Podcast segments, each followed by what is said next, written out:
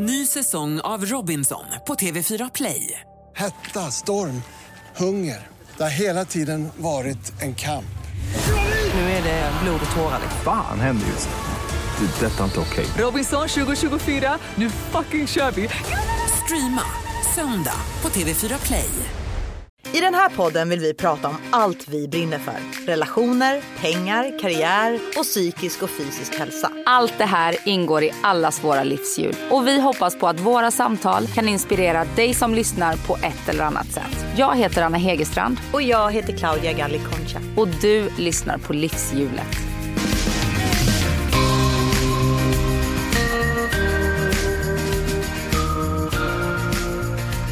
Hej! Claudia. Åh gud, det här är ju liksom svårare än att börja skriva ett viktigt brev känns det som. Ja, men du börjar ju skriva ett viktigt nytt kapitel Ja, i, precis. din, eh, i ditt I- arbetsliv. Ja, precis. Men det är inte din första podd. Nej, jag har ju liksom, ja nej men precis. Jag har ju rattat runt lite i poddvärlden men inte liksom på den här nivån. Nu, nu är det ju på riktigt. Ja, men för det, det som har varit för mig tidigare är att jag har haft sådana här poddar där man, ja, men där man snickesnackar om sig själv i princip. Eh, och det är det jag någonstans har varit sugen på. Jag har ju varit så sugen på att prata med andra människor eh, också. Och, och livshjulet är ju precis det. Eh, och jag har ju lyssnat på livshjulet eh, långt innan jag kände dig. Vi har ju känt till varandra för du är ju journalist och sådär. Vi har träffats i andra sammanhang. Men, men just livshjulet har ju någonstans varit så här, ja men det är den där typen av podd jag skulle vilja ha. Eh, träffa liksom, eh, ja, men kända profiler som man är nyfiken på och vill veta mer om. Men också att jag har känt precis som du då uttryckte den här viljan att kanske gå in lite på teman och prata om, ja, men om, om människoöden, eh, sådana saker som kanske inte är direkt kopplat till en känd profil utan mer ett ämne som man är lite intresserad av. Ja men verkligen och jag har ju och min Alltså, å min sida känt att eh, jag har ju gjort precis det som du vill göra och känt en dragning åt att eh, istället för att det är jag som intervjuar att låta, för jag är också väldigt nyfiken kring att bolla kring olika ämnen men också eh, reflektera över, över saker som gästerna säger. Så att, att mm, få ta större plats. Eh, och eh, vi har ju valt att göra livshjulet från en, det var ju en ren intervjupodd. Ehm, och alla 240 avsnitt ligger ju fortfarande i, det, i samma tråd. Så det är ju bara att gå in och lyssna. Men jag lanserade ju den här eh, podden 2013 när det var ganska nytt. Ehm, Jag är ju extremt peppad på det här samtalet som vi ska få höra nu. Ja men om du är peppad så tror jag att det är hälften av vad jag är kanske. För jag är superstolt att min första gäst i livshjulets historia Ja. 2013 eh, är också nylanseringens första gäst. Ja, tänk att det blev så. Så vi är så glada för det. Mm, Ska det är du- Isabella du- Löwengrip. Precis, jag kan inte. Jag blev så exalterad när du pratade i munnen. Nej men det är Isabella Löwengrip och eh, eh, ehm, på tal om det här med att gå sin egen väg och eh, skita i vad människor tycker, att kasta sig ut. Hon kan ju vara ansiktet för de begreppen. Ja, båda begreppen skulle jag säga. Ja. Kanske både att kastas ut och faktiskt bry sig om vad folk tycker och tänker. Det får vi ju höra i Ja. samtalet. Absolut. Men hon är också så transparent på något sätt.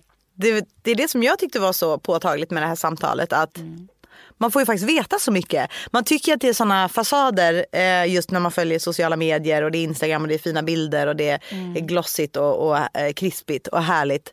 Och sen så sitter hon här och är ändå så transparent med allting som har varit. Men jag tycker egentligen att, ehm, att jag är så nyfiken på att eh, höra responsen också från, från våra lyssnare på det här Verkligen. samtalet. Så att jag tycker vi också ska säga att vi har ju en Instagram. Det har eh, vi. Som heter Livshjulet eh, med Anna och Claudia. Och där lägger vi, eh, vi vill ju skapa ett litet community där. Vi vill att ni ska fortsätta prata med oss efter efter att ni har hört avsnitten. Eh, Vi vill eh, att kom- önskemål på gäster. Ja, kommer med feedback. Eh, och jag vill framför allt att det ska vara en plats där vi kan peppa varandra. Mm. Eh, och eh, vara snälla mot varandra. Ja, men, så nu ska vi eh, lyssna på samtalet med Isabella. Och som sagt, hör av er till oss på eh, Livshjulet med Anna och Claudia på Instagram. Och nu så eh, snackar vi med Isabella Lövengrip. Men jag måste säga att för mig känns det extra speciellt att du är här som gäst och inte bara gäst utan premiärgäst. För att det var ju du som var med och drog igång hela livshjulet Ja, vad kul. när jag lanserade i maj 2013. Mm. Och det var helt andra, det är åtta år sedan snart. Eh, Verkligen länge sedan. ja, det är mycket som har hänt du. Hela ett helt liv har förändrats känns det som. Var är du i livet nu då, idag? Jag är på ett vitt blankt blad. Jättespännande. Ja, det förstår jag. Från att ha haft bolagsresan i, i 15 års tid. Och sen så byggt upp och sen var jag väl på min topp för ett och ett halvt år sedan. När allting växte och ett bolag omsätter nästan 100 miljoner och, och så. Och sen föll ju allting. Det blev en jättekrasch. Och efter det så låg jag på sjukhus en månad och var hemma ett år. Och efter under det här året så jag funderar mycket på vad jag ska göra härnäst. Och nu så har jag börjat skriva på en bok som kommer ut i höst och det är en dokumentär och lite sådär. Så att jag träffar lite bolag att investera i så att jag får se vad jag ska hitta på. Och det är det som är så spännande. Men Du säger att du var på din topp. Men inte måendemässigt. Nej. Vad jag har förstått. Nej, inte alls. Men jag har oftast räknat med att det här med karriären, det är det som räknas. Och sen om man mår dåligt samtidigt så får det vara så. Men nu i efterhand så tänker jag att jag prioriterade helt fel. När du tittar tillbaka på den här tiden, vad, vad tänker du då? Nej, men det är väl, det är väl tudelat. Den ena är väl sådär lite, lite så här wow, att man klarade uppnå saker och ting som man hade drömt om. Men den andra är också varför eh, var jag inte, liksom inte hemma mer? Jag sabbade hela mitt äktenskap för att jag valde mitt jobb. Så det är lite sorgligt sådär efterhand. Samtidigt så tror jag alltid att det finns en mening med allting som sker. Ehm, Så att det här med skilsmässan och eh, kraschen, att det, det kommer komma något gott ur det här. Men hur kunde livet se ut då? Hur kunde en dag se ut på den här galna tiden innan skilsmässan och, men fortfarande med familjeliv och karriär? Och, hur såg en dag ut för dig? När jag, le, när jag levde själv i det stora huset eller innan? Äh, innan, när du fortfarande levde med barnens pappa? Ja. Nej men det var ett helt vanligt, vad säger man, ett vanligt Svensson-liv egentligen. Vi bodde liksom en fin liten trävilla på Lidingö och åt fredagsmys och kollade på liksom Let's Dance och allt sånt där. Men, men i huvudet så var jag någon annanstans hela tiden. För då höll på, Lövengrip, mitt skönhetsmärke, höll på att expandera internationellt. Så vi började finnas i vad var det, fem, sex olika länder och det blev mycket resor. Och, så att jag försökte parera det här familjelivet där jag skulle hämta tre varje dag samtidigt som jag skulle bygga internation, internationellt företag. Så um, det krockade väldigt mycket mentalt. Att var ska jag vara någonstans? Förstår det. För jag har alltid varit den här vad säger man, karriärskvinnan eller tjejen sedan jag var 16. Så familjen blev liksom en bonus på det här livet. Inte att det var mitt liv utan familjen blev bonus och mitt liv var min karriär. Och det är det som jag ångrar nu i efterhand. Att inte basen i mitt liv var familjelivet och karriären blev liksom ett, något extra. Så det var ganska lätt att fortsätta mitt vanliga liv eller vad jag ska säga. Ehm, och försöka hantera lite grann familjelivet lite, lite grann med lillfingret. Och, ehm, men det, det är en ganska sorglig period efteråt för jag lämnade liksom min, mina barns man ganska snabbt. Och jag började flänga direkt med alla företag och, och barnen fick en nanny på en gång. Så, så nu i efterhand så undrar jag så här, hur, men hur kunde jag prioritera så här? Hur, eh, har ni pratat om den här tiden, du och eh, din förra man och liksom benat ut den här tiden bara för att kunna lägga den bakom er och nu tittar vi framåt? Eller? Ja men det har vi gjort och vi blev ett bra kompisar idag. Men det tog ett tag. Verkligen. Vilket är, jag tror att det är ändå ganska sunt. Och det var jag som valde att lämna så det finns alltid så här sår i alltihopa. Och, men nu har det gått fyra år. Och han har ett nytt liv och jag har ett nytt liv. Och då är det lättare på något sätt att hitta ett nytt gemensamt liv också.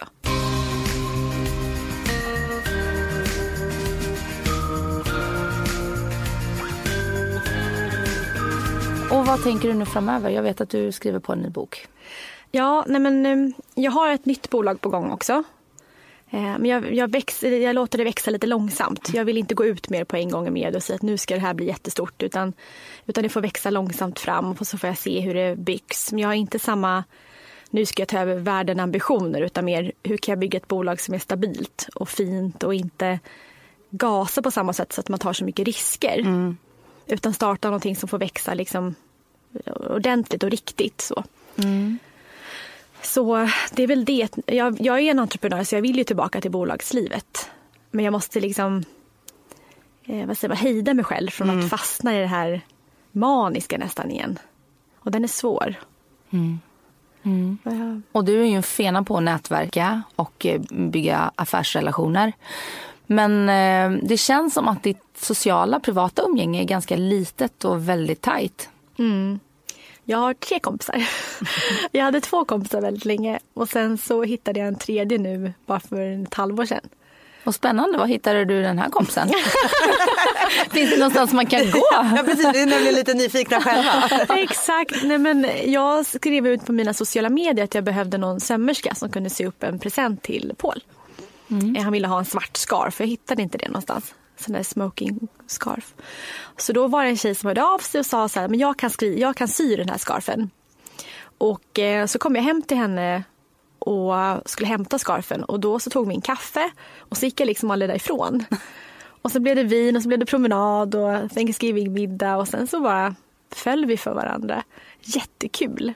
Mm, det är häftigt att få nya vänner i, i vuxen ålder som blir så tajta. Verkligen. Men som du säger att sociala livet har varit väldigt litet.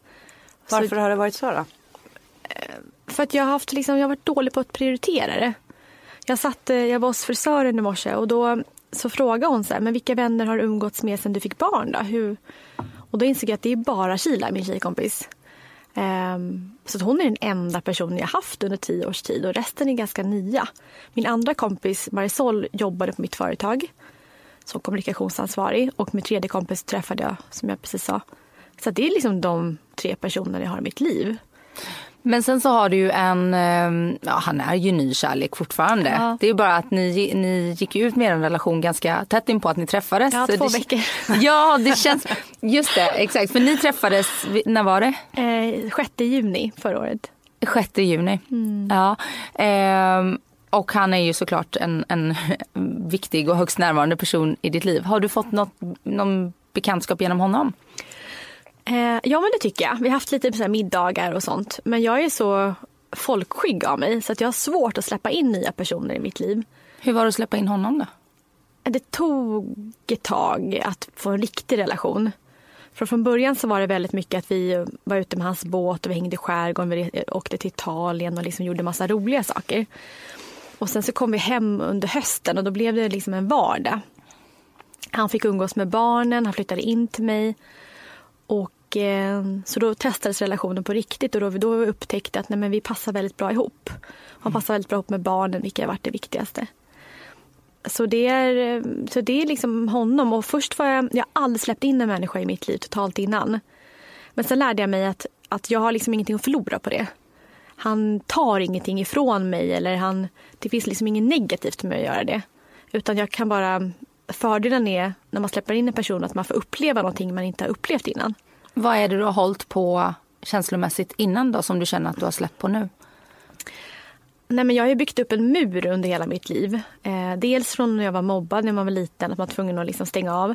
Och sen allt näthat, det varit tufft med journalister. Så då har man byggt upp en mur som alla sen har svårt att komma in i. Och sen har jag trivts att vara själv väldigt mycket och är väldigt folkskygg. Svårt att torgskräck och gå på stan och sådär. Så att då har det varit lättare att ha den här barriären mot allt och alla. Tycker du det är jobbigt att sitta i såna här sammanhang? Nej, det går bra. Det värsta är när man har haft events med Lövengrip och typ på Lens till exempel. Och så måste man bjuda in massa följare och folk på mina kanaler för det ingår liksom i mitt jobb. Och så står det hundra pers runt om mig som vill saker eller vill lyssna eller vill prata med mig. Eller... Och jag måste äta ångesttabletter inför en sån sak. Och efteråt så mår jag superdåligt. Och varför utsätter du dig för det? För du behöver ju inte. Ja, men det har liksom funnits de förväntningar att man måste eh, synas hos sina återförsäljare. Eller att, det är lite det som jag sa i början, att karriären har alltid fått gå före. Så då om jag mått dåligt på köpet så det har varit liksom fine. Vilket är fel nu efteråt, men det är inte så jag tänkt innan. Men får jag bara, jag kan inte riktigt, jag måste gå tillbaka, eh, envisas med att gå tillbaka till den här tiden som var, alltså för det som pågick där under den här tiden när det var liksom lite, lite galet. Eh, fast det var ju väldigt underhållande att följa. Alltså du körde, det var så liksom fullt ut. Var det en, en plan från början eller hur, hur, hur byggdes den där Isabella-världen upp? Nej men allt var en plan. För att om jag byggde upp en så stark persona så där det var så glammigt och lyxigt då skulle jag kunna ta mer betalt för mina annonsörer. För att de fick vara i en mycket mer exklusiv miljö som var helt unik i Sverige, precis som du säger. Så jag visste att om jag har ett jättefint hus så kommer jag kunna ta mer betalt för att synas där än mitt, min gamla trävilla. Likadant som att har de här bolaget möjlighet att finnas på en privat jet så kan jag ta mycket betalt för det. Så um, allt var uttänkt vilket också gjorde att jag började hata mitt eget liv. Just för att det bara var en plan alltihopa. Vem hade du med dig som också visste att det här är en plan? Pingis som du drev ditt bolag med. Ja, Pingis och Kila.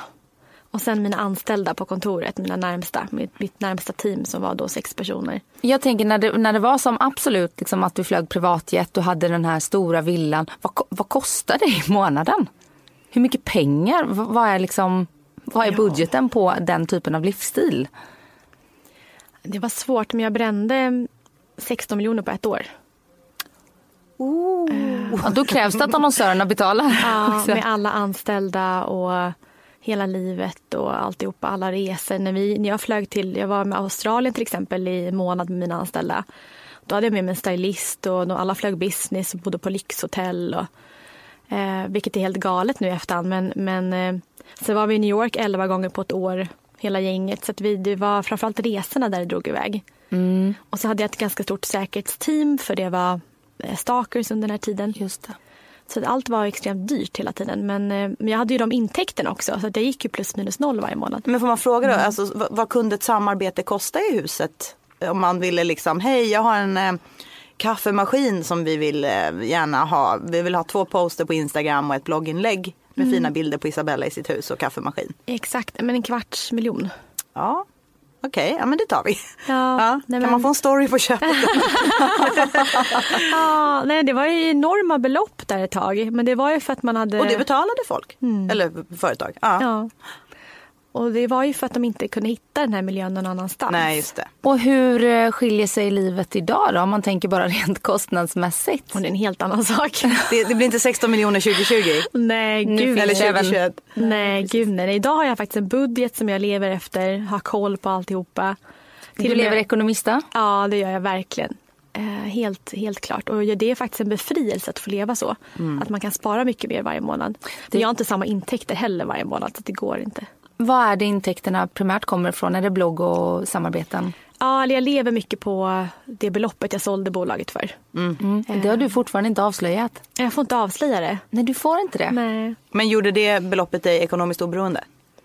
Inte för ett helt liv, men Nej. för några år. Det som jag sa innan vi slog på mikrofonen här. Du och jag träffades första gången i Livshjulets första avsnitt för snart åtta år sedan. Och det är ett helt liv sen. Ja, det är verkligen det. Det är det. Men eh, så tror jag också att eller det känns skönt att gå in i liksom 30-årsåldern med, med ändå en, ett annat lugn. Och jag är mycket mer vad säger man, arbetsam nu. Förut var det mycket mer att det skulle vara yta och glamoröst och jag hade mycket anst- många anställda som gjorde stor del av jobbet. Även fast jag loss, eller det inte låtsades men det såg ut som att jag gjorde mycket mer än vad jag gjorde kanske. Idag så måste jag göra allting själv när jag bygger någonting och det är faktiskt en befrielse. För jag lär mig mycket mer idag. Än att ta in en vd i varje företag som gör jobbet och jag liksom poserar på en bild samtidigt. Ja för det var mycket bilder med så här flax i kjolen och håret stod på ända och det var så här från möte till möte. Det var inte riktigt så eller? Det var väldigt mycket möten. Ja det var det. Men jag, jag blev liksom den som tog första mötet och så hade jag ett team bakom mig som själva skötte alla avtal och affärer. Och, Att du var liksom någonstans kronjuvelen i... ja, Ja. exakt. Och med Lövengrip så var det 30 pers som satt och jobbade samtidigt. Så det räckte med att jag typ doftade lite grann och tog fram produkter men så mer än så gjorde jag inte. Då får man ju aldrig själen i det man gör helt Nej. kan jag tänka. Så är det också. Så det är lite grann sen nu med nya bolaget vi bygger att jag måste vara med i alla hörn för att lära mig också. Vad är det, inom vilken bransch är bolaget? I, eh, inom hälsa. Ja, vad spännande. Jag tänker också, eh, som, nu kastar vi lite fram och tillbaka här men det är så mycket jag vill veta. Eh, jag tänker hur påverkades barnen av den här lyxiga livsstilen? Och, eller framförallt hur, hur blev skillnaden för dem? Blev den uppenbar för dem eller är den mer uppenbar för dig? Tror du? De tycker om att de slipper ha nanny. Så jag tycker de är skönt att de har mer tid med mig. Ehm, De, ehm, de, de kan prata väldigt sådär bortskämt ibland och säga så, mamma kommer du ihåg när vi reste och vi hade ett eget plan? Eh, Sådana saker. Och bara, måste vi resa när man inte kan fälla ner sina stolar till en säng? Ja, precis. Mamma, måste vi åka apa denna resa? och sånt. Men jag tror att sånt där kommer ju att försvinna. De är Ja, så såklart. små fortfarande. Men det var ju deras verklighet. Ja. För dem var inget konstigt. Det vet jag när min, eh, min eh, pappa var marknadschef på Husqvarna. Så vi reste ganska mycket. Och eh, jag vet min syster sa till sina klasskompisar. Varför bor ni i husvagn? Varför bor ni inte på hotell? Ja. Nej, men alla kanske inte har råd. Nej, Liksom. exakt. Så de pratar, barnen pratar väldigt mycket om pengar hemma och liksom försöker förstå varför vissa har det och varför andra inte har det. Och Folk på deras sko- skola har sagt att din mamma har jättemycket pengar. Och så kommer han hem och frågar varför det. För att det är svårt för dem att liksom förstå.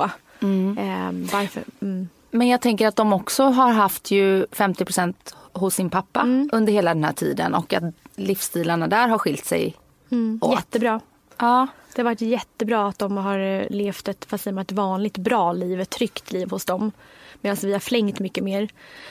Samtidigt så kan jag också tycka att de har fått enormt, vad säger man, mycket livserfarenhet på kort tid. Mm. De är väldigt sociala, är vana att hänga på överallt. Och, eh, jag tycker att de är blivit ganska mogna av det.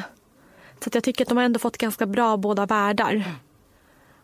Hur, eh, hur gamla är dina barn nu? Eh, sju och sex. Sju och sex. Mm. Och, och din son han är äldst och så har du en lilla syster. Eh, Är, eh, och du har skrivit, vet jag, att, att hon är typ en liten kopia av dig. Att hon är väldigt, hur, hur uppfostrar du dina barn eh, när det kommer till ja, men pengar såklart men, men generellt liksom, hur är du som mamma? Eh, nej men jag är nog ganska, jag är nog både ganska lättsam att de får göra vad de vill men sen är jag också ganska sträng på vissa saker.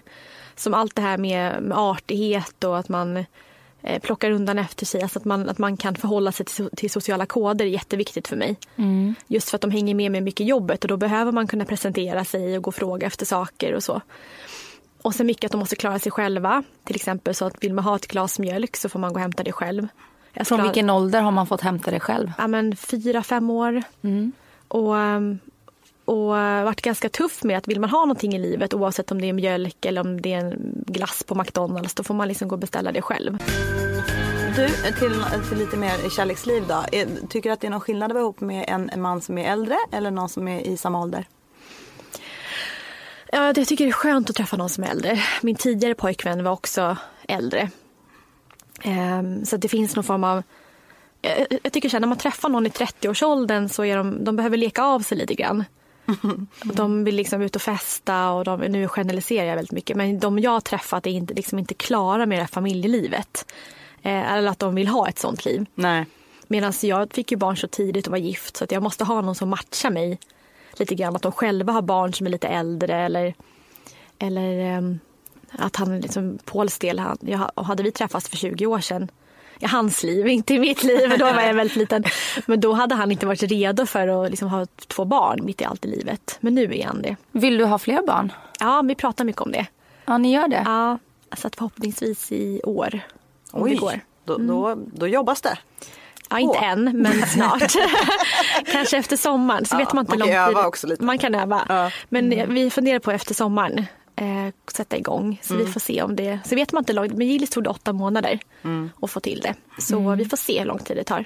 Men Sally kan det inte ha tagit åtta månader Nej, jag. då gick det fort. Men jag hann aldrig börjat med, med p-piller och sen så blev hon till så, fort jag slutade amma. Ja, just det. Hur tror du, vad, när du tänker tillbaka på, nu har vi pratat mycket om det, men vad kommer du göra annorlunda förutom hela den här crazy bolagsresan? Vad kommer du göra annorlunda i ditt föräldraskap tror du när du får barn nu? Ish, åtta Ja. år senare. Men vara hemma så mycket som jag kan till liksom förskolan börjar. Eh, och kanske inte sätta dem i förskolan när de är ett utan låta det gå lite längre tid. Jag, jag tror på det, att det egentligen är bättre. Och istället för att stressa iväg så där på en gång. Och att om jag behöver jobba så får man ta in en nanny några timmar då och då i veckan. Men inte liksom varje dag hela tiden. Nej, barnvakt typ. Ja men exakt. För Jag har kan också ingen ta med sig nannyn ju. Alltså man kan ha barnet Ja. med sig som man med sig nannyn så precis när det inte funkar då, så kan den ju vara vid sidan av. Verkligen. liksom. För många har ju sina mor eller farföräldrar som kan hjälpa till. Och jag har ju inte det så att då måste man ha någon extern person. Vad har du för relation till dina föräldrar? Eh, ingen relation. Eh, så förra året firade jag julafton själv och sådär. Så, att det, så att det, kom ett, det är mest på högtidsdagarna som man märker att man inte haft en familj runt omkring sig. Men det är fine, jag har lärt mig att leva med det nu. Det var tuffare när jag var kring 20-årsåldern. Nu har, man liksom, nu har det gått tio år och man har vant sig.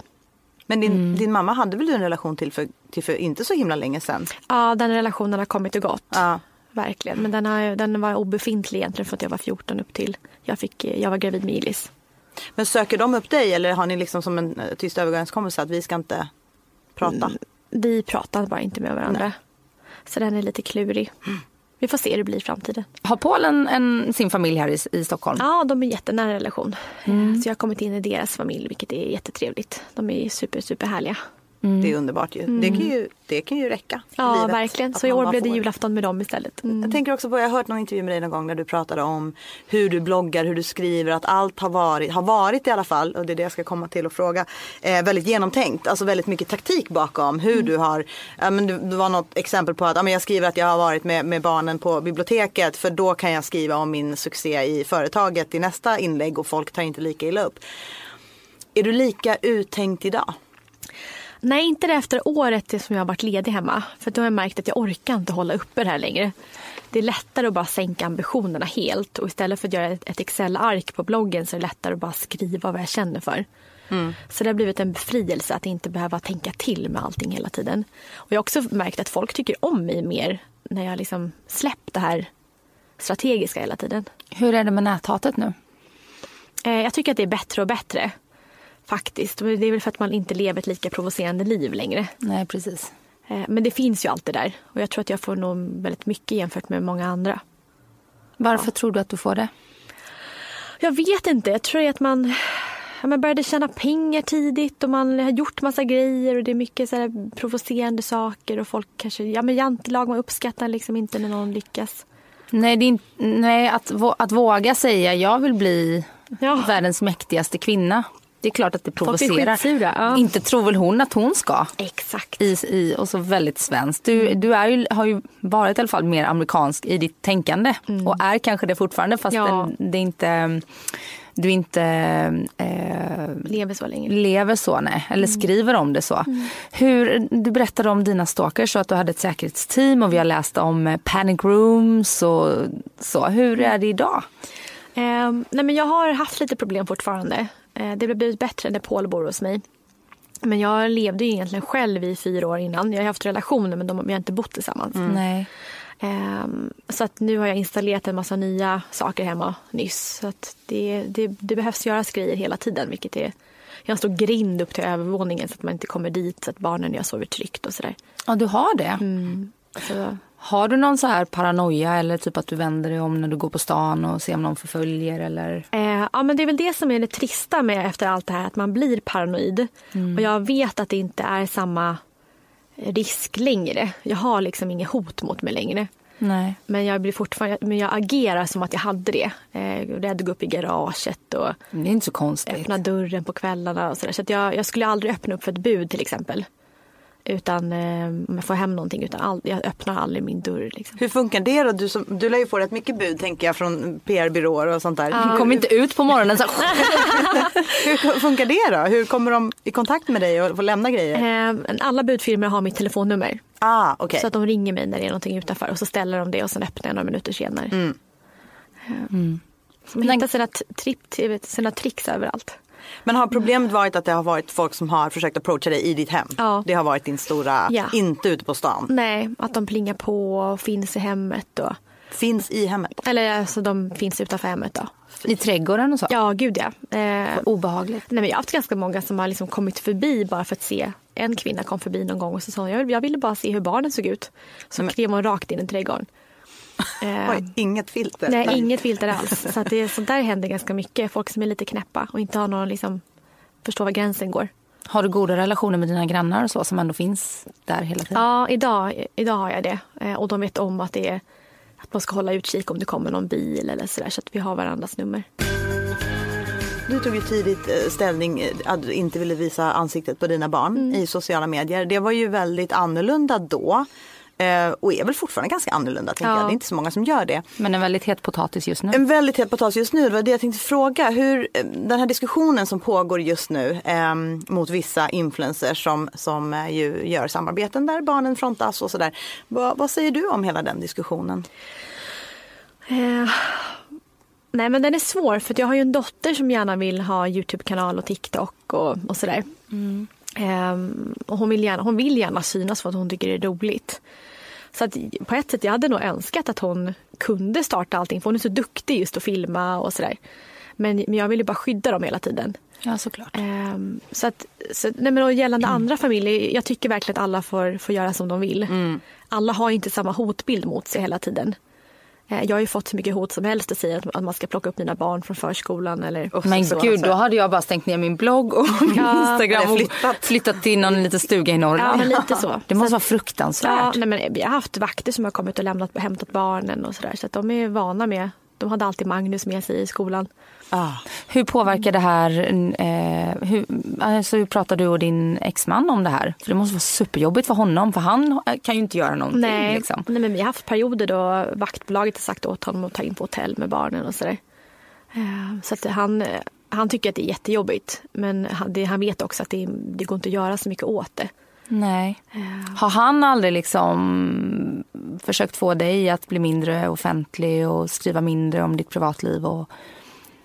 Ehm, jo, det har han nog. Han har pushat mig till att bli liksom mer försiktig. Men det är svårt för vad jag än gör blir offentligt. Så det spelar liksom ingen roll riktigt vad jag, hur mycket jag försöker dölja saker och ting. Och du har aldrig tänkt typ på riktigt så här, jag flyttar upp till en stuga i Norrland och lever där liksom i någon liten by Nej. utan sociala medier. Alltså vi tittar ju på lägenheter nu i både Schweiz och Frankrike eh, för att ha ett andra, andra boende också. För att kunna åka iväg med barn och att åka dit själv när jag inte har barn. Bara för att få lite andrum. Tycker du offentligheten är jobbig? Ja, den är fruktansvärd. Du tycker det? Ja, den har aldrig, jag har aldrig gillat den. Utan det har varit just som jag sa innan att karriären har fått gå före och jag vet att jag kan tjäna ganska mycket pengar på offentligheten. Precis. Men Ja, det är det som har varit moroten. Ja. Så hade jag fått välja Alltså hade jag fått välja då hade jag bort ett stort hus med grindar och aldrig gått ut. Men jag kan liksom inte göra det än. Det är hemskt. Du är liksom fast i din, i din egen verklighet på något Ja, sätt. verkligen. Jag såg den här dokumentären om Britney Spears. Ehm, som handlar, nu handlar ju det om att hennes pappa till stor del, att hennes pappa är hennes förmyndare och så. Men där pratar de ju om det och där visar de ju det här med, vi har ju ingen paparazzi-kultur i Sverige. Eh, men hon säger ju det att så här, jag önskar bara att jag, jag känner mig som mest fri när jag åker min bil. För då är det liksom ingen som kan, då är det bara jag där. Mm, jag och ingen tittar på mig. Nej, jag håller med.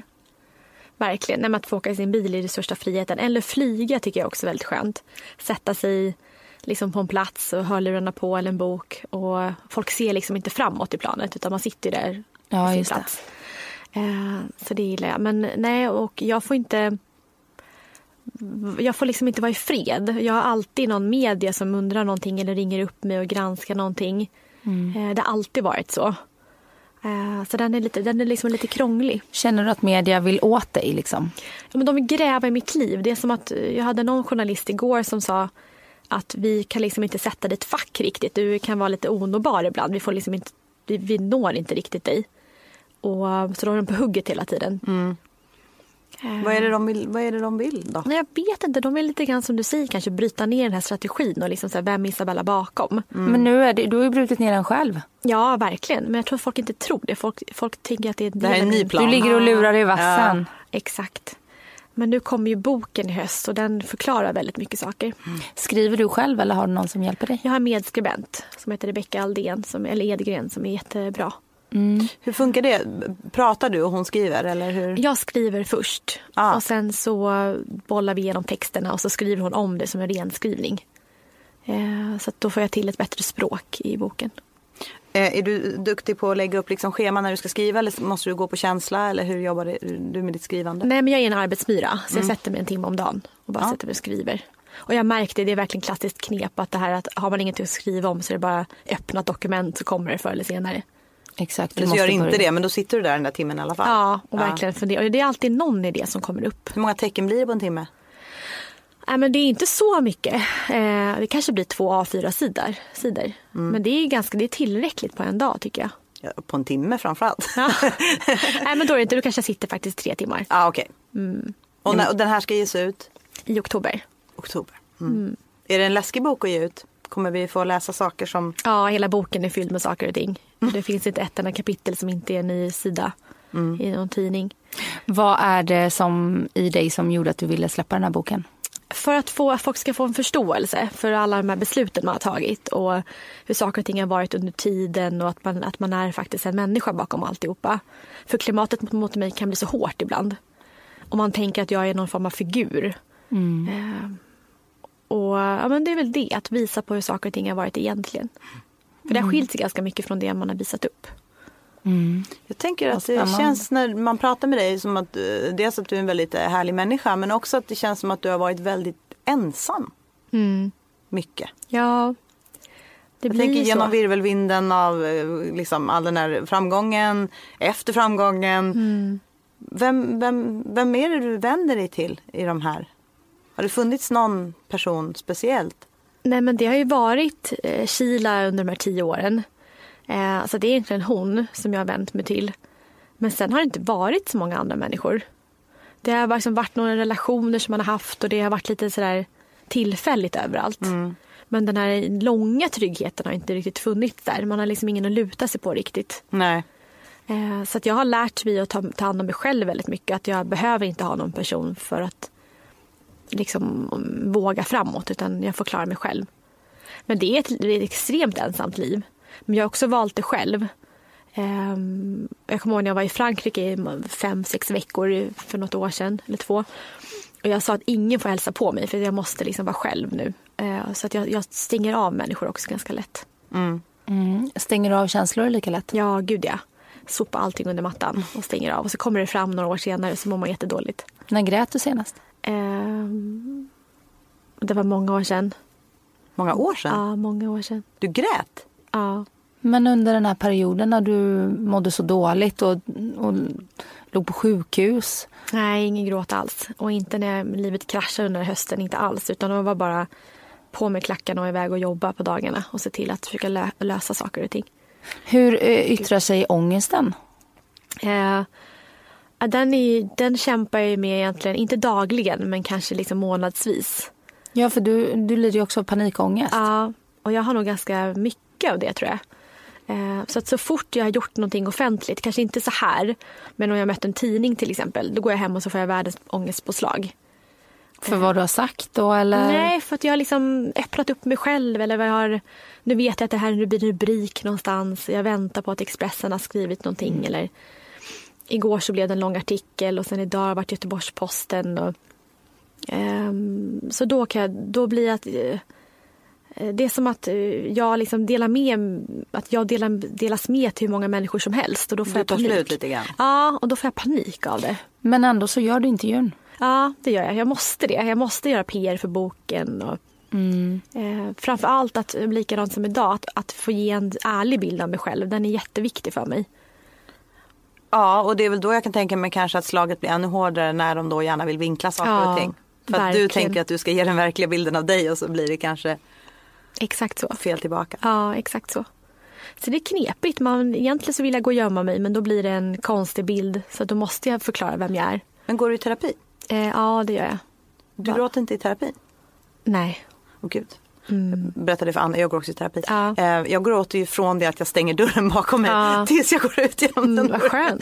Ja, och hon skriver ofta till mig så här, jag har en extra tid imorgon om Ah, du vill. roligt. Jag tror hon känner att jag behöver det. Men, men inte för att prata om mig men mer så här, för jag tycker att just i terapi så blir det så här, ja men det är så otroligt så här, tillåtet och nästan som att förväntat att Mm. man ska liksom gråta. Det, för mig blir det en så supertydlig kanal. Liksom, Det är, det är jätteklokt att du gör det. Ja, det, ja. ja, det kanske, ja. Jag kanske skulle vara lite mer konkret och inte grät från början till slut. Det kanske skulle komma fram mer grejer. Men jag behöver väl det just nu. ja. Eftersom du har blivit så bra på att stänga av känslor och du gråter väldigt sällan. Hur är det du med dina barn där? I uppmuntrandet av att liksom det är okej att vara ledsen, okej att vara arg. Bekräfta dem i sina känslor. Får du, upplever du att du får svårt att göra det eller att du månar om det extra mycket? Nej, men mitt mammaliv har jag hållit ifrån allt det andra. Det är liksom en frizon med barnen. Där är jag jättemån om att de ska få uttrycka sina känslor och att det är normalt att de ska få skrika på mig om de behöver det. Och, för jag hade ingen att skrika på. Och man skriker ju på någon och bråkar med någon för att man är trygg med den personen. Absolut. Ja, man, man kommunicerar ju någonting. Man har ju ett behov som är otillfredsställt på något sätt. Exakt, så det är jätteviktigt för mig. Och, och jag har inget problem med att öppna upp mig för dem utan vi har som vår egen värld. Jag hade, jag, det håller på att spelas in en dokumentär om mig så att filmteamet var hemma. Och då sa de att vi har aldrig sett den här, den, här, den första, den, den som de spelade in igår som mina barn, de är med på den men de kommer inte vara med på den riktiga serien sen. Eh, men då sa de att vi har aldrig sett dig i den här mammarollen någon gång. Så det är den som de vill fånga lite grann i dokumentären. Men de ska inte vara med i dokumentären utan... Det var som ett testavsnitt Ah, okej. och se om det funkade. Men, jag- men om det funkar då kommer barnen vara med då? Nej, utan de, de kommer vara med men de, man skymtar inte ansiktena. Ah, okej. Så att det var mer att jag ville testa ett avsnitt och se hur det kändes. Mm. Hur kändes det då? Ehm, ja, men det kändes helt okej. Så att jag ska faktiskt klura lite grann på om jag vill spela in det lite. Mm. Det är inte säkert. För då blir det ännu mer personligt och man släpper in ännu mer. Problemet är bara att den här, de som gör dokumentären har sagt att de gör dokumentären oavsett om jag är med eller inte. Oj, det låter ju som ett hot, eller? Nej, utan de vill mer, de har sagt att vi vill berätta berättelsen om dig. Mm. Och intervjua gamla anställda och gamla lärare och, Mm. och sådär. Så då har jag sagt att det kanske är bättre att jag ändå ställer upp Eh, själv. Jag är gärna med och säger lite. Ja, lite så är det. Ja, det förstår jag ju. För Ja, det vill man ju inte ha en dokumentär om en som man inte får vara Nej. delaktig i. Nej. Du får kliva in som en delproducent så får de med och bestämma. också. Ja, och det får man absolut inte. De är jättekänsliga med att man inte får tycka till utan man får spela in och sen får det vara så liksom. Åh gud. Då gäller det att man vaktar sin tunga känner jag. Ja, verkligen. Så Då det kanske det inte lite- blir så genuint, eller? Nej, så att det är det jag är lite rädd för, att de här dokumentärerna. Att så här, hur blir det, alltså resultatet egentligen? Du har aldrig funder- funderat på att göra det fast projektet själv? Att göra en dokumentär och liksom finansiera och eh, vara med och bestämma? Eh, nej, alltså jag är så trött på mig själv. Så jag känner nej, det skulle jag inte göra. Nej, du, du har rätt. Jag skulle nog aldrig... Det, mig själv är nog den sista jag skulle vilja göra en dokumentär om. Man vet ju allt. Ja, det kan nog vara svårt att bli objektiv och tänka liksom Ja. så här, Ja. vad vill folk veta? För det går säkert inte hand i hand med vad folk verkligen Nej. vill veta. Men någonting som jag väldigt gärna vill veta, eh, när det kommer till att bråka. Mm. Vi pratar ju om det här. Jag hade ett bråk igår med min sambo. Bråkar du och Paul? Eh, vi har faktiskt aldrig bråkat någon gång. Inte på åtta månader en enda gång. Det hade inte jag och min sambo på åtta månader. Nej. Det var någon magisk gräns. Ja, men det är ju, man är, man, det är ju väldigt nykär känsla hela tiden. Ja. Men sen jag är inte alls bråkig av mig. Jag, jag, och det är också en negativ sida jag har utan allting skäls bara av. Så Mm. att ibland kan de vara så här, men vad tycker du egentligen och vad vill du egentligen och sådär. Medan jag alltid rycker på axlarna och säger, ja men det går väl bra. Blir det en frustration hos honom? Ja, det blir det. Och så har det varit hos alla jag har varit tillsammans med. Att jag är så, lite obrydd kanske. Ehm, och det vill jag inte men det, det har bara blivit så att jag är inne i mig själv så mycket. Men varför är det så? Är det för att du inte har någon så tycke och vad du vill? Och... För det känns ju som att du är ganska tydlig med att jag skulle så gärna vilja ha ett andra boende i de där länderna. Och liksom, Men just med relation, då, då kan de jag har varit tillsammans med, de kan lika gärna bestämma vad vi ska äta eller vad vi ska hitta på idag. ja, vilken hämtmat det blir, det spelar liksom ingen roll. nej, utan, och det grundar sig i att jag varit ganska ointresserad av det här familjelivet. Och det är det som är så hemskt. Och idag är det inte samma sak, men just det här att, eh, att inte be- behöva bestämma om, om vardagen. Den har jag tyckt varit lite skön när ens vanliga liv har varit så extremt strukturerat. När är du som lyckligast? Nej, men det är när jag är barnen, när jag, alltså när jag är med dem. Jag älskar att hämta dem på förskolan och man har hela eftermiddagen tillsammans. Jag försöker hämta dem vid tre, halv fyra på dagarna. Så väldigt tidigt. Ehm, och helgerna när vi har så här fredagsmys som ikväll då, då blir det tacos och det är liksom hela det här köret med talang på kvällen och mysa med dem. Då är jag som lyckligast. Har du alltid känt att du hämtar energi i umgänget med dina barn? Ja, alltid. Och framförallt att jag kan slappna av med dem. Att man sitter och gör pussel eller lego. Att man bara fokuserar på dem. Eh, och oftast har jag energi till det just för att jag, det ger mig energi. Så det är inte så krävande att sitta där. Hur har, har corona påverkat ditt liv mycket? Faktiskt inget alls. Utan min, eh, Eh, min, eh, vad säger man, viloår inträffade ju samma år som coronan. Så att jag har bara egentligen uppskattat att saker och ting har, att det, att det händer inte så mycket för då får man inte den här FOMO-känslan. Nej, har du haft corona? Mm, ja, det har jag. Mm. Och antikroppar? Eh, ja. Då är vi två av tre Claudia. du kan känna dig väldigt Ja, trygg. ni är liksom lite högre på näringskedjan än Ja, vad jag är just det. nu. Ja. Jag Men du, på- jag måste ju också fråga, den här behandlingen du gick igenom. Kan inte du bara lite, om det går att berätta lite kort, vad är det för typ av behandling? Det är en elchocksbehandling. Så att det låter väldigt med, medeltida men det är att man liksom resetar sin hjärna med just elektroniska, eller man eh, skapar epileptiska anfall i kroppen. Så att man ligger ju och skakar och så söver de ner den under den här tiden.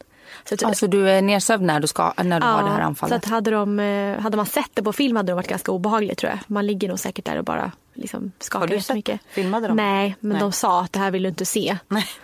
Ehm, Och varför gör man detta? för att man kan liksom starta om hjärnan på något sätt. Jag vet inte hur det funkar. Men min depression som jag hade haft egentligen i flera års tid eh, försvann helt. Och efter det så har jag inte känt någonting alls av de här liksom, negativa tankarna. Och hur får man tillgång till en sån här behandling? När man varit djupt deprimerad och självmordsbenägen. Har du varit självmordsbenägen? Eh, ja, det har jag varit under egentligen hela hösten. Förra hösten. När Och kraschade eller jag innan det kraschade? När det kraschade. När det kraschade. Ja, exakt. Så då tog de egentligen in mig och bara sa så här, nu, nu gör vi den här behandlingen på dig så att du kommer ut. För jag har ätit antidepressiva egentligen sedan jag var 18. Så de har liksom inte riktigt funkat, även fast jag har varit på maxdos. Sökte du akut hjälp? på Ja, det gjorde jag. Och det var någonting jag verkligen rekommenderar, att man åker in när man inte orkar mer. Vad var det som, vad var händelsen som fick dig att söka akut hjälp? Jag vet inte, det var efter julhelgen, jag hade varit själv. Eh, jag hade haft tid att tänka. Ekonomin hade kraschat, jag var en månad från personlig konkurs. Eh, så det blev liksom för mycket för mig bara. Alltså, Var du själv då? Du hade inte barnvecka? Nej, jag var själv. Ja. Är det då det blir som jobbigast? Ja, det Eller var det man, då det var? Exakt, när man är helt ensam blir det jättetufft. Så det är mycket lättare att underhålla sig själv med barnen hemma. Och hur söker, ringer man 112 då eller hur söker man akut hjälp? Ehm, på, I Stockholm finns det Sankt Görans sjukhus. Så jag satte mig i en taxi och åkte dit, så har de en sån mottagning. Och man ska inte alls vara rädd för att åka dit, för det är världens liksom, gulligaste gäng där borta. Var Jag du rädd då? Alltså, kan du fortfarande i det tillståndet känna så här, och nu kommer liksom Isabella Löwengrip in här, nu kommer de. Hoppas Ehm, ingen ser mig. Ja, Ja, fast de förstår ju det. Så att jag kom in så, så slapp jag kön och in i ett rum på en gång. Mm. Just för att de vet att det kan bli artiklar. just det. Gud vad proffsigt att de Ja, de är jobbar så. Mm. Eh, verkligen. Men sen låg jag inne en månad och där var det massa patienter. Men folk har sån tystnadsplikt så det liksom läckte aldrig ut. Så det har jätte... Nej, för det har man ju verkligen inte, om man inte lyssnar på din podd så har, man ju hört lite om det här men Mm. annars har man ju inte gjort det. Nej, så att jag var jättetacksam för en otroligt liksom proffsigt hanterat. Hur, hur träffade du barnen under en månad? Då kom de dit och hälsade på? Jag fick permission två gånger. Okej, Så då åkte jag hem till Odd och så sov jag där två nätter. Och så ja, de bodde hos honom under den tiden. Ja. Och hur följs en sån här behandling upp? Eh, man hörs av var tredje månad efteråt och ser hur man mår. Så får man liksom göra en sån här lyckoskala 1 till 10. Eh, och då så har jag legat på 10 på varenda punkt, eh, alltså i, ett, i att må bra. Så jag har varit, ja, helt fantastiskt. Men när man resetar, är det som att man liksom gör så att man glömmer bort vissa saker? Eller? Ja, så de, de tar bort ditt minne helt enkelt. Men hur Gud, sorterar, vad man läskigt. ut, eh, hur sorterar man ut tänker jag så här, vad är det man vill glömma? Vad, Jag vill gärna komma ihåg när jag födde mina barn tänker Ja, man men ju. exakt, men mitt minne, biverkningar är att många tappar minnet. Och jag har faktiskt gjort det, så det är mycket i mitt liv som jag inte minns, vilket har ställt till det nu när vi skriver boken. Ja såklart. Ehm, så... eh, Kommer du ihåg dina förlossningar? Mm, det gör jag. Ehm, men mycket, mycket har glömts bort, så det är faktiskt jättetråkigt att grejer har raderats. Kan det komma tillbaka? Eh, ja, det kan det göra, men det, det är inte helt säkert. Så det är lite tråkigt. Och jag vet ju att i er podd så sätter ni ju en siffra på er själva Ja. varje vecka. Vad skulle du säga att din siffra är här idag då? Eh, nej, men den är väl en sjua. Oj, det är bra. Sjua är jättehögt. Ja. Är det jättehögt generellt eller jättehögt för dig? Det är, för mig är det jättehögt. Fast jag skulle säga att det är högt för alla. För tio då är man helt euforisk. Det är liksom man har fött sitt barn och får den typ. på bröstet. Ja, Den ja, ja. ja. Men, men det, den eftersom jag lyssnar på er podd så tänker jag så här, ibland så kommer ni in i samtalet och du liksom kvittrar på och så, här, och så säger Kila vad är det för siffror då? Du bara, mm, två. Ja. På tal om att stänga av. Ja precis, tänker man så här, wow, okej. eh, Men det är för att hon piggar upp mig hela tiden. Ja. Kila får, du vet ju du, hon får ja, en glad hela hon är tiden. verkligen bra på det. Ja. Ja, så, att då, så att efter, om jag börjar på en tvåa så går jag alltid därifrån som en fyra. Jag höjs liksom alltid efter vårt, vårt samtal. Så den där podden berikar verkligen ditt liv Ja, på ett personligt plan också. Verkligen, jag blir jätteglad över den. Och den är ju väldigt terapeut, terapeutisk för mig också. Jag mår ju bättre av den. Och sjuan idag baserar du på att du ska snart hämta dina barn. Ja. Ni ska hem och käka tacos. Ja, precis. Och Paul är med. Paul är med. Eh, vi Solen hem, skiner. Exakt, vi åker hem strax och sen ska vi ta en promenad till förskolan. Ja, Jätteskönt. mysigt. Gud, vad Men livet är faktiskt väldigt bra. Det är väldigt lugnt nu men ändå så händer det grejer. Så det är en lugn bas men sen så kommer roliga eh, liksom, inslag in i livet. Så Det kanske är så det ska få fortsätta också, Ja. tänker jag. Den balansen. Verkligen. Även om företagen börjar rulla igång ordentligt så Verkligen. har du väl kanske fått smak på det här livet nu. Ja, jätteskönt. Verkligen. Ja, och även om man jobbar mycket så kan man ju fortfarande ha en lugn tillvaro Ja. där grunden är stabil. Mm, det är det jag insett nu men det, det tog 30 år för mig att förstå det. Ah, Men det är ändå, det är handlar ändå bra också- jobbat. Det handlar också som om ålder tror jag. Alltså du började ju så ung, alltså tänker jag. Alltså hade det där slagit till när du var äldre, du kanske redan hade barn så hade det förmodligen inte blivit sådär. Det har ju också med ålder att göra och även om du känns otroligt mogen för din eh, ålder så är det ju ändå, jag menar du, du var ju ändå typ så här 16, 15 när du gav dig in i businessvärlden. Ja, alltså det är ju ganska ungt. Verkligen. Väldigt. Och sen är det otroligt inspirerande att vi får följa med både i framgångar men också Ja, motgångar. verkligen. Ja, tack. det tror jag ger väldigt många eh, ja, men värdefull, eh, värdefulla insikter och att någon vågar. Eh, på tal om att liksom sätta upp en mask så vågar du ändå vara så transparent och det är fantastiskt. Tack. Isabella, vi är så glada att du eh, kom och gästade våran premiär. Verkligen, tack snälla för det här Och samtalet. stort lycka till med boken och eh, nya bolaget. Ja, tack så hemskt mycket. Det var den här veckans avsnitt och tack bästa ni för att ni har lyssnat på oss. Och fortsätt gärna hänga med oss på Instagram där vi heter Livshjulet med Anna och Claudia. Har ni något ni vill prata med oss om, önskemål om gäster eller teman så skriv till oss där för vi svarar på allt. Och så hörs vi nästa vecka. Puss och kram! Puss och kram!